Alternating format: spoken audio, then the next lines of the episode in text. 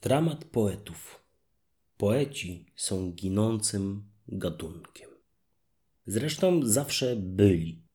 Od wieków giną w mroku dnia codziennego, w zwykłości i potoczności, w potoku pustych słów i spojrzeń pełnych niezrozumienia.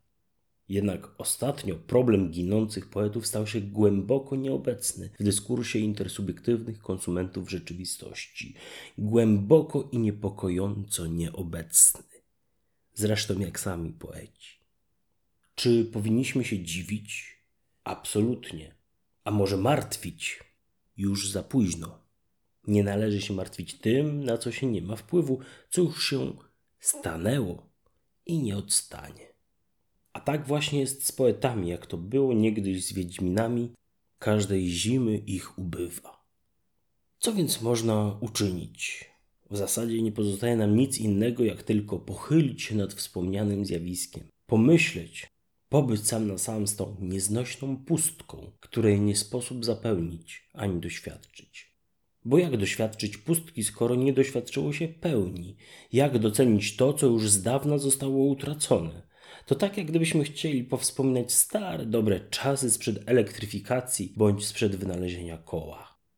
Jak zatem kontemplować pustkę, której nie można doświadczyć? Oto właśnie prawdziwa istota pustki. Nie da się, ponieważ byt jest, a niebytu nie ma. Nikt jednak jeszcze nie zabronił człowiekowi wtaczać kamienia, o którym wiemy z góry zleci. Wydaje mi się, że i poeci drzewie mierzyli się z tym problemem, ale od drugiej strony. Jak ukazać innym, nie poetom, że otacza nas pełnia, bogactwo, obfitość? Jak opowiedzieć ludziom o czymś, czego nie doświadczyli lub doświadczyli nieświadomie? Podobne zadanie powzięli sobie teologowie, aby mówić o niewypowiedzianym i ukazać w słownych analogiach niedostrzegalne. Jednak różnica jest taka, że o teologach mówi się dzisiaj więcej w mass mediach niż o nieszczęsnych poetach. Nawet ostatnio czytałem artykuł, że NASA zatrudniła 24 teologów. Ktoś powiedział, że to kaczka dziennikarska. Niemniej jednak, czy znacie jakąś kaczkę dziennikarską dotyczącą poetów? Bo ja nie. Teologowie jednak w większości przypadków poszli na łatwiznę i zamiast po poezję sięgnęli po zdradliwą filozofię, która już niejednego zwiodła na bezdroża egzystencji. I nie, nie krytykuję teraz filozofii, tak jak nie krytykuję słońca, które nas oświeca, ale dlaczego ludzie udają się na urlop do ciepłych krajów zamiast na słońce? To daje do myślenia, nieprawdaż? Z kolei teologowie, którzy podjęli się teologii lirycznej, tak naprawdę w głębi ducha są poetami, którzy, niczym Konrad Wallenrod, od środka chcą rozwalić teologiczny dogmatyzm. Nie pytam już, kiedy ostatni raz spotkaliście modlącego się poetę, bo skoro nie spotkaliście poety w ogóle, to tym bardziej takiego, który oczy swoje wznosi ku górom, rozważając skąd nadejdzie mu pomoc, która notabene nie nadchodzi.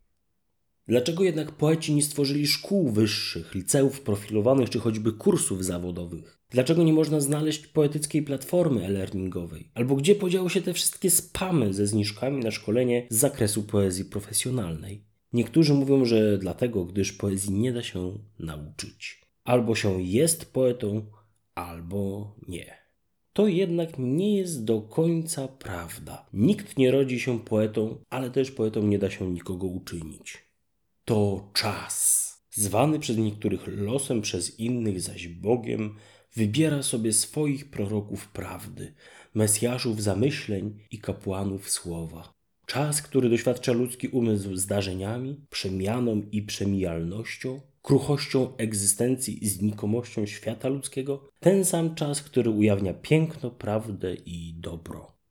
Trudno jednak stwierdzić, czy wybiera on tych, którzy są zdolni dostrzec obfitość, czy raczej uzdalnia tych, którzy żyją w obfitości.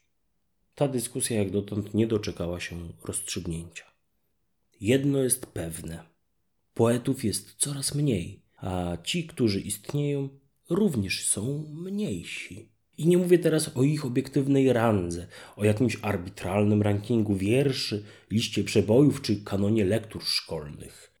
Mówiąc, iż poeci są mniejsi, mam na myśli konkretnie poetów, nie ich twórczość. Kurczą się w sobie pod wpływem wszechogarniającej manii wielkości, partykularnych interesów oraz krótkowzroczności ministrów edukacji. Potyczki ze światem grabieżców to nie jedyne zmaganie proroków. Walczą oni również z samymi sobą, czy raczej ze swoją dialektyczną, bipolarną naturą mięsa i ducha. Toczą tak zwany wielki bój pomiędzy nocą a dniem, myślą a patrzeniem, twardym stąpaniem po ziemi i lewitacją. Nikt ich nie uczy, nie szkoli, nie mają swojego Jody, Gandalfa czy Wesemira. Każdy z nich musi samotnie przemierzać Tatooine, Martwe Bagna i Temerię. Jedni są zdania, iż owa samotność przyczynia się do osłabienia poetów, a w końcu i anihilacji. Drudzy zaś, że bez samotności w ogóle nie byłoby poezji. Osobiście uważam, że to może być przykład miecza obosiecznego. Przecież poezja lubuje się w paradoksach. Jedno jest pewne. Choć samotność jest ważnym czynnikiem poetotwórczym, to na pewno niewystarczającym. Inaczej mielibyśmy na świecie kilka miliardów poetów. Tymczasem poetów jest coraz mniej i są oni coraz mniejsi. Jeśli twierdzicie, że to nie jest ich dramat, to sami jesteście największym dowodem przeciwko temu, co twierdzicie. Dziękuję za uwagę i do usłyszenia. Sensoholik, czyli Konrad Pasikowski.